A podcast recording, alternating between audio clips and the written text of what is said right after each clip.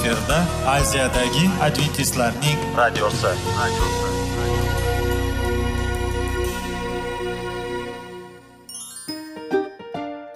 Assalomu alaykum aziz radio tinglovchilar.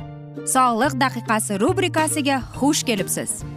Zero tananing sog'lom bo'lishi va uning kasalliklardan saqlash har bir insonning burchi hisoblanadi.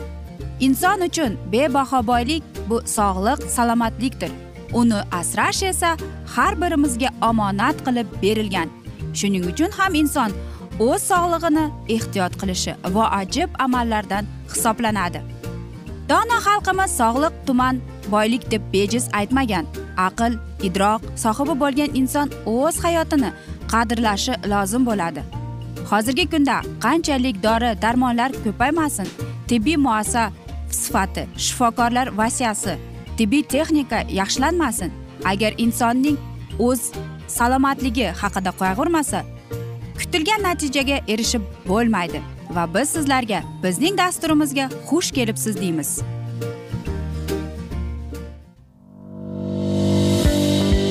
Sog'liq daqiqasi soliqning kaliti qiziqarli ma'lumotlar faktlar. Har kuni siz uchun foydali maslahatlar. Sog'liq daqiqasi rubrikasi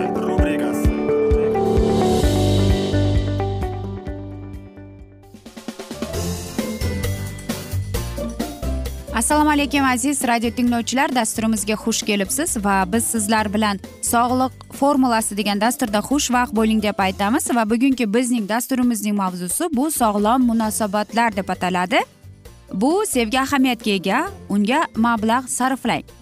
Va albatta siz tushunib yetgan bo'lsangiz biz sizlar bilan e, sog'lom munosabatlar haqida suhbat o'tkazamiz.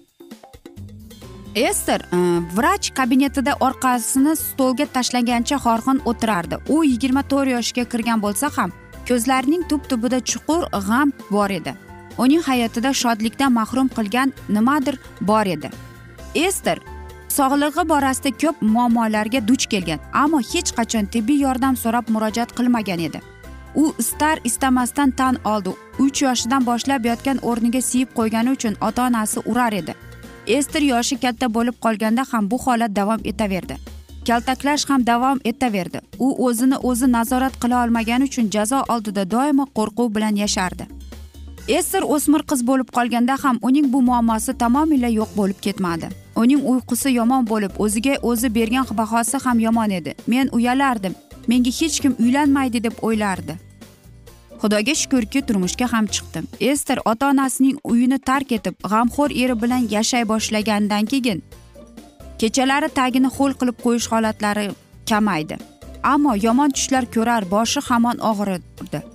Eri uni qo'llab quvvatlardi har safar yomon tush ko'rib uyg'onganda o'rin to'shagi ho'l bo'lardi.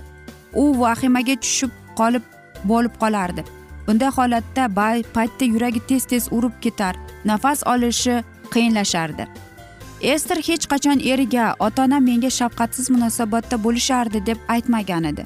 Sababi erim meni tushunmaydi deb qo'rqardi. Ester uyatdan qiynalar yordamga muhtoj edi.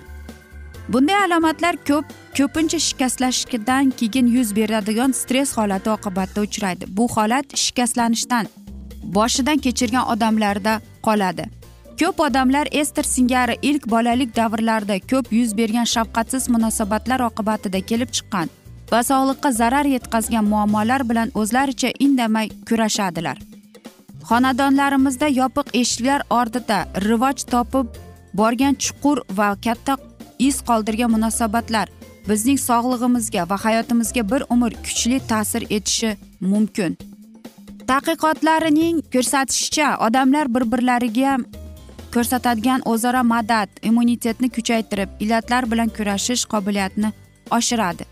Shunday tadqiqotlardan biri guvohlik beradiki keksa odamlarga haftada uch marta qarindoshlarining tashrifi immunitet sistemasini ishlashini yaxshilar ekan. Buning aksi sifatida medalning orqa tomoni haqida ham gapirish o'rinli. Ilmiy tadqiqotlarning tasdiqlashicha shafqatsizlikka asoslangan munosabat sog'liqqa zarar yetkazishi mumkin. Jismoniy jinsiy aloqa yo ruhiy zo'ravonlikka yoki shafqatsiz munosabatdan kelib chiqadigan doimiy stress sog'liq bilan bog'liq bu ko'p muammolarga olib keladi. Bolalikda boshdan kechirgan noxush vaziyat ham yosh katta bo'lganda turli xastaliklarga sabab bo'lar ekan.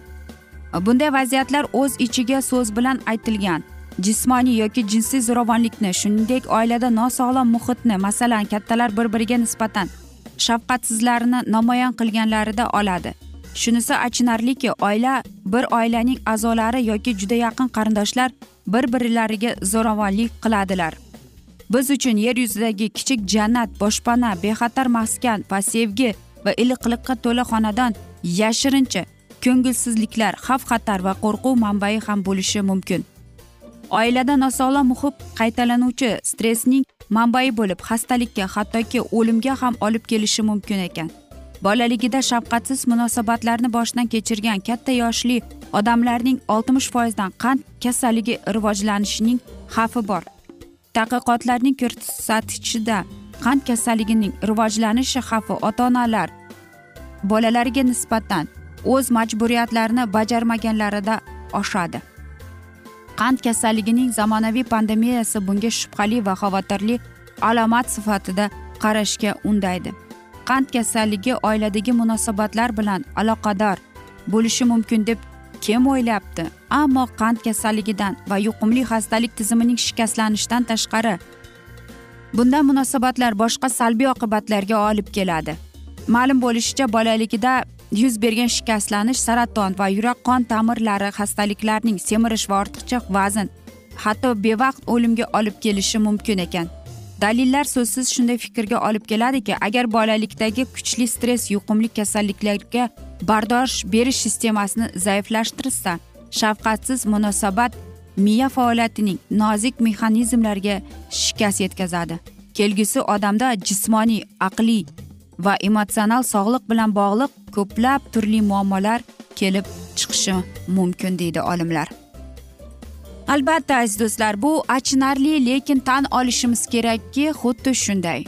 Chunki biz bilmaymiz har bir oilaning har bir eshik ortida bir oilada nima bo'layotganini. Afsuski esterning e, mana shunday hayot tajribasi bo'lgan edi.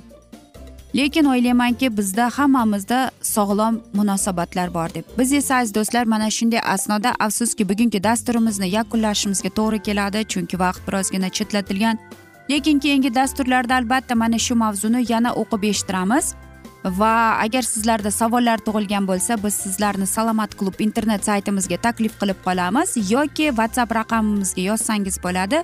Plyus bir uch yuz bir yetti yuz oltmish oltmish yetmish plyus bir yetti yuz oltmish oltmish yetmish aziz do'stlar. Men umid qilaman bizni tark etmaysiz deb chunki oldinda bundanda qiziq bundanda foydali dastur kutib kelmoqda deymiz aziz do'stlar. Biz esa sizlarga va oilangizga tinchlik totuvlik va albatta sog'lik salomatlik tilab o'zingizni va yaqinlaringizni ehtiyot qiling deb xayrlashib qolamiz.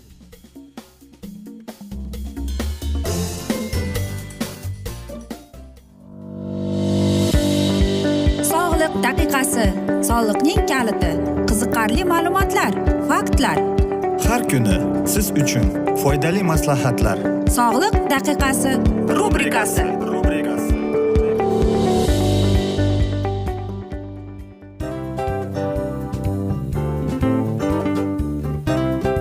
Mana ha hayotda hamma narsaning yaxshi narsalar tugaydi va yakunlaydi degandek bizning dasturimizga ham yakun keldi o'ylaymanki bizning dasturimiz sizga foydali bo'ldi deb. Aziz radio tinglovchimiz va siz o'zingiz uchun kerakli xulosalar kerakli maslahatlar olib oldingiz. Aziz radio tinglovchimiz biz bilan qoling va keyingi dasturlarimiz albatta undanda qiziqroq bo'ladi. Mana shu alfozda sizlar bilan xayrlashib qolaman.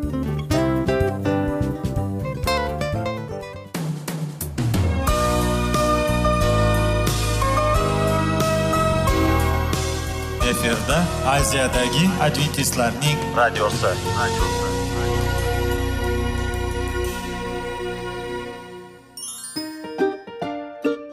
Assalomu alaykum aziz radio tinglovchilarimiz. Dil izhori dasturimizga xush kelibsiz.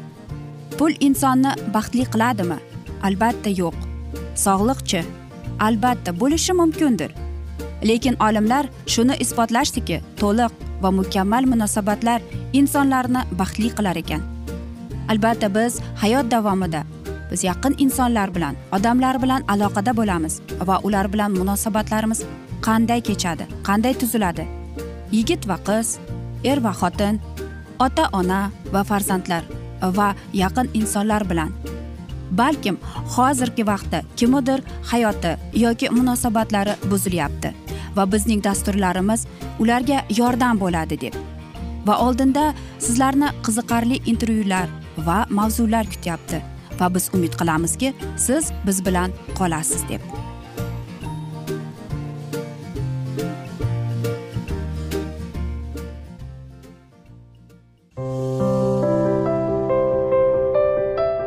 Har kuni har xil kasbdagi odamlar bilan sirlashish va bo'lishish sevgi rashq munosabat. Bularni hammasi dil izhori rubrikasida.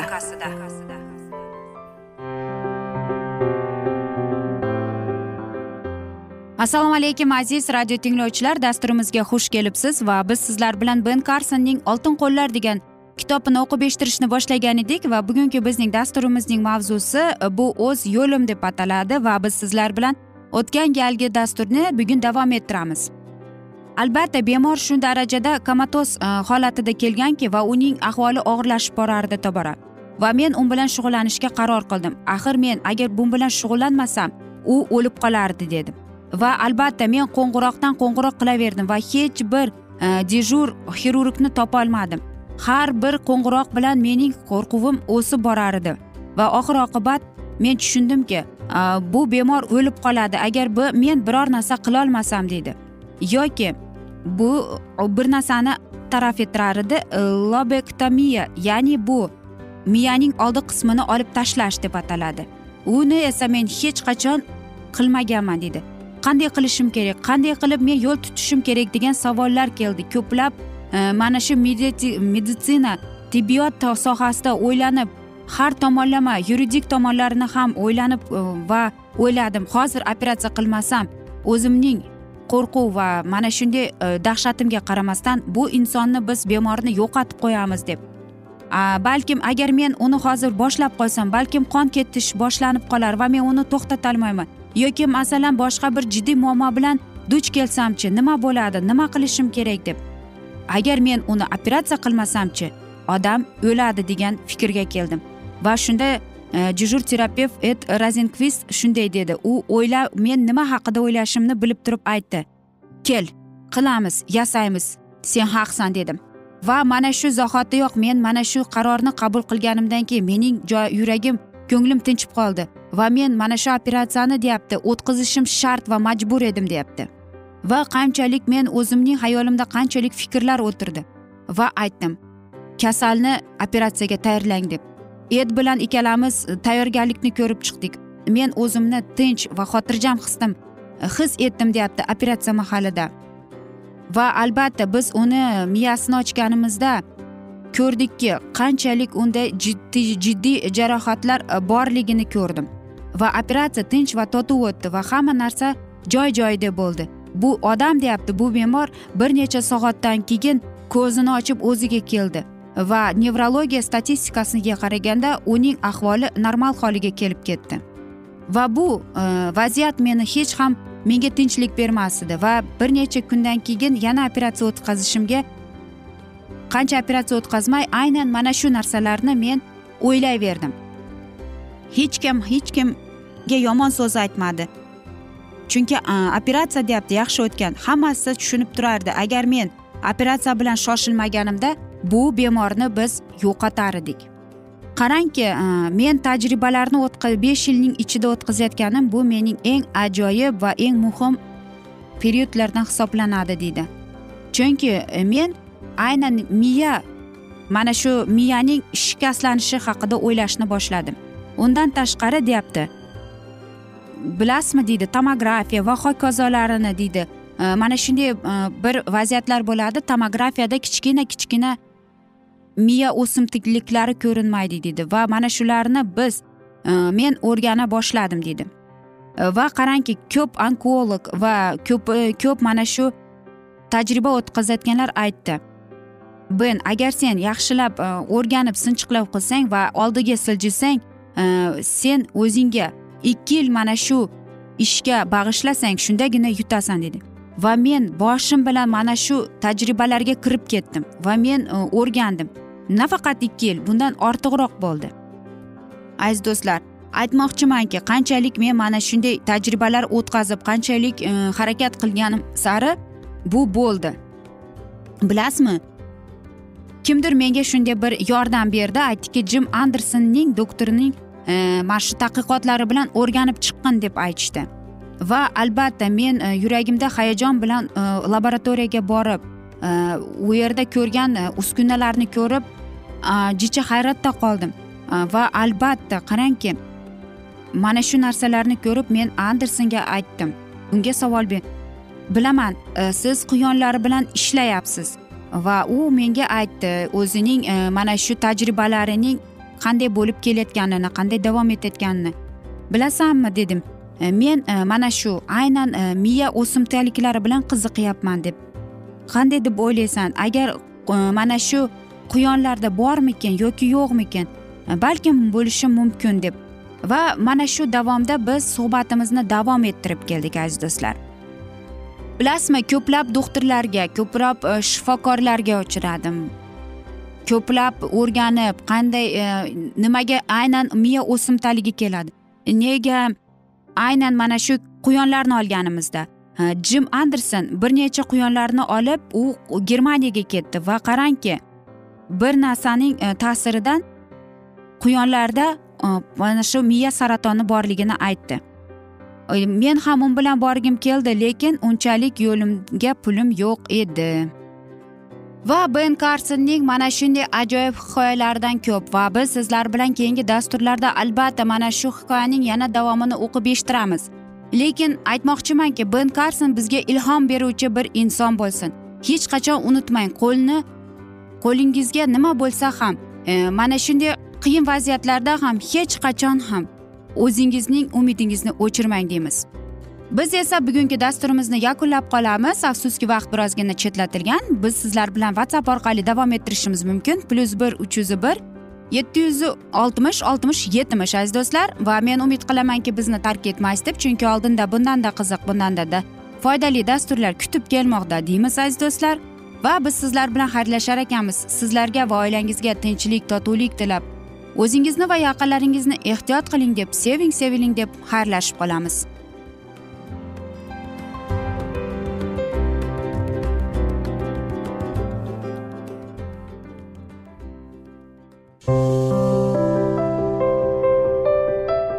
Har kuni har xil kasbdagi odamlar bilan sirlashish va bo'lishish.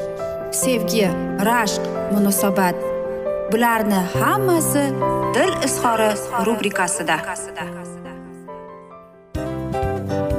Mana aziz radio tinglovchimiz bizning go'zal va foydali va chiroyli dasturimiz yakunlanib bormoqda. Sizlarga birozgina maslahat berib o'tmoqchi edik. Bir biringizni seving qadringizga yeting va erkalang albatta bir biringizni va sizga judayam chiroyli va mustahkam munosabatlar tilab qolamiz albatta. Sevgilingiz doimo yoningizda bo'lsin.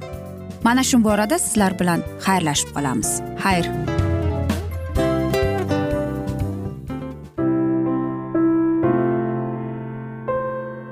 Hayotning noni. Qiziqtirgan savollar va javoblar. Buning hammasi ko'ngil uchun oziqa rubrikasida.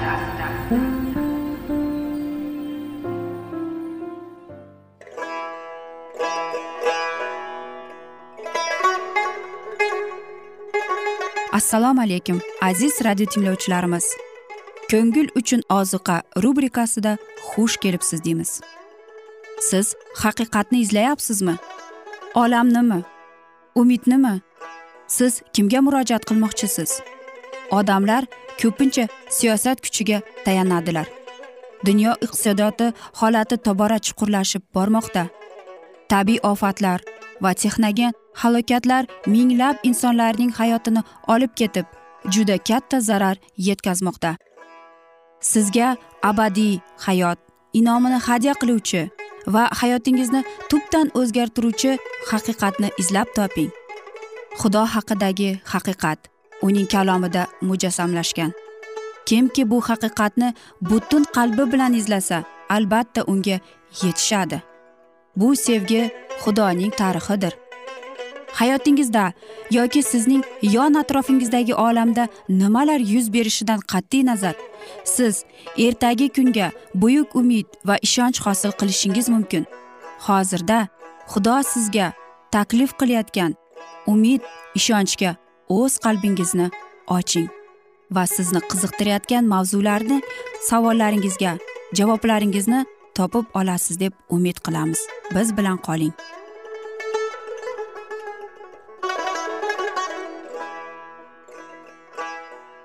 Assalomu alaykum aziz radio tinglovchilar. Dasturimizga xush kelibsiz va biz sizlar bilan ulug' otalar va payg'ambarlar degan kitobni o'qib eshittirishni boshlagan edik va bugungi bizning dasturimizning mavzusi bu qoyadan chiqqan suv deb ataladi. Dovud payg'ambar sanolarda uning inoyati yam yashil yaylovlarda oqqan orombaxsh suvlar kabi tasvirlanadi. Ushbu yaylovlarga samoviy cho'pon o'zining podasini olib borar.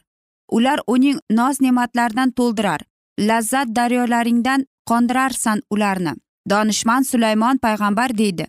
Donolik manbai oqadigan daryo yeremiya payg'ambar uchun masih tirik suv manbaidir. Ziqiryo payg'ambar uchun gunoh va ifloslikni yuvadigan manbai.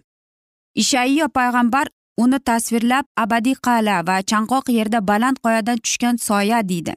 U isroil uchun atalgan qimmatli nazrni tirik oqim deb muhrlaydi. Bechorayu kambag'allar suv qidirar. U esa yo'qdir. Chanqaganlaridan ularning tili qurimoqda. Men xudovand ularni eshturman men isroilning xudosi ularni qoldirmasman. Men chanqaganga suvlar qo'yarman va quriganga daryolar ochqizarman zero cho'lda chamashlar urib chiqar va dashtda oqimlar. Hamma uchun chiqaradigan nido yangramoqda. Chanqaganlar hammalaringiz suvlar yoniga boringlar. Muqaddas yozuvlarning oxirgi sahifalarida shu nido qayta eshitilmoqda. Hayot suvning daryosi bulurday tiniq xudoning va qo'zining taxtidan chiqib oqyapti va butun davrlar orqali inoyat nidosi yangramoqda. Chanqagan kelsin xohlagan hayot suvidan tekin bahra olsin. Isroilliklar qadeshga kelishlaridan oldin ularning manzilini oldida shuncha yil davomida chiqib turgan buloqning tirik suvlari bitdi. Xudovand o'z xalqini yanada sinamoqchi bo'ldi. Ular ishonchini namoyon qilarmikinlar yoki o'z ota onalariga o'xshab imonsizliklarni ko'rsatarmidilarmi? U shuni ko'rmoqchi edi. Qanon diyorining tepaliklari ko'zlariga ochildi. Atigi bir necha kunlik yo'l oshib ular nazr atalgan yerning chegarasiga yetishdi. Yaqin masofada esof avlodiga tegishli edum joylashgandi. Edum yeridan qanonga boradigan yo'l o'tardi. Muso buyruq oldi. Shimolga aylaninglar va xalqqa buyruq berib aytgin. Sizlar seirada yashaydigan esof o'g'illari birodarlaringizni yerlaridan o'tasizlar va ular sizlardan qo'rqishadi. Ovqatni ulardan kumushga sotib olib taom qiling. Suvni ham kumushga sotib olib ichinglar. Buloq suvi tamoman bo'lgani shunday tushuntirildi. Isroilliklarning yo'li unumdor yerlardan o'tardi va bu yerlar suvga muhtoj emas edi. Ular tinch edumni o'tadilar va kerak bo'lgan ovqat va suvni sotib oladilar deb xudo va'da berdi. Ularni shu paytgacha ajoyib tarzda qondirgan manbaylari ko'rdi ma'nosi shunday ediki ularni quvonchli voqea kutmoqda. Sahrodagi musofirchilik hayotlari yakunlanmoqda. Agarda ularning iymoni sust bo'lmaganida edi ular shuni tushunardilar. Ammo ular uchun ilohiy nazrning ijro etilishiga isbot bo'ladigan narsa shubhalanish va shikoyat qilish uchun sabab bo'la qoldi. Xudo ularga qanonni egallikka berishga xalq har qanday umidini uzganiday tuyulardi. U shovqin solib sahroda bo'lgan inoyatlarni talab qila boshladi. Qanon yeriga kirish uchun xudoning ijozatini kerak edi. Ijozat olish esa ularning iymoniga bog'liq edi. Faqat uning nazrlariga ishongan holda ular go'zal diyorga kira olardilar. Aytganday buloqlar edum chegarasiga yetmasdan oldin quridi. Qisqa muddat ichida suvsiz qolib ular iymonini namoyon qilishlari kutildi.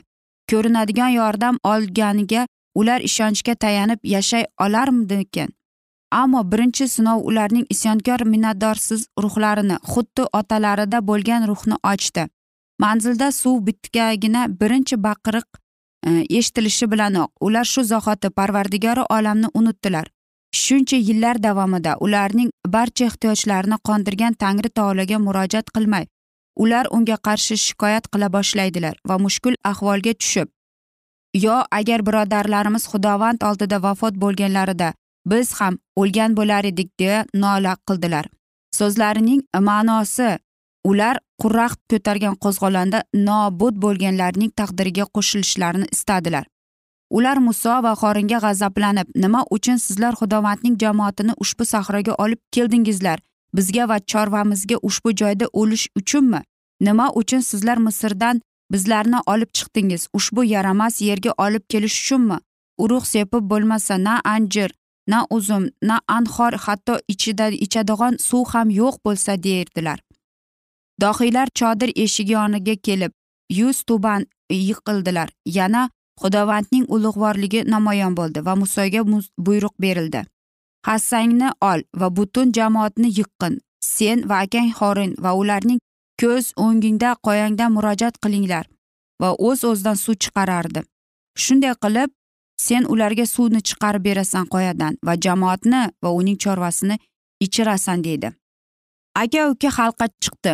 Musoning qo'lida ilohiy hassa bor edi. Endi bu keksa yoshdagi kishilar edi. Uzoq vaqt ular chidamlik bilan isroilning qaysarligini va itoatsizligini kutardilar.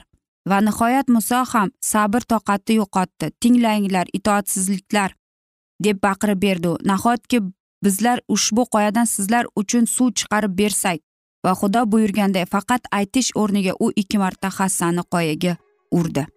Aziz do'stlar mana shunday asnoda esa biz bugungi dasturimizni yakunlab qolamiz. Afsuski vaqt birozgina chetlatilgan lekin keyingi dasturlarda albatta mana shu mavzuni yana o'qib eshittiramiz. Lekin biz sizlar bilan whatsapp orqali suhbatimizni davom ettirishimiz mumkin. Whatsapp raqamimiz plyus bir uch yuz bir yetti yuz oltmish oltmish yetmish. Bizning whatsapp raqamimiz va men umid qilaman bizni tark etmaysiz deb chunki oldinda bundanda qiziq bundanda foydali dasturlar sizlarni kutib kelmoqda. Va biz sizlar bilan xayrlashib sizga oilangizga tinchlik totuvlik tilab o'zingizni va yaqinlaringizni ehtiyot qiling deb xayrlashib qolamiz.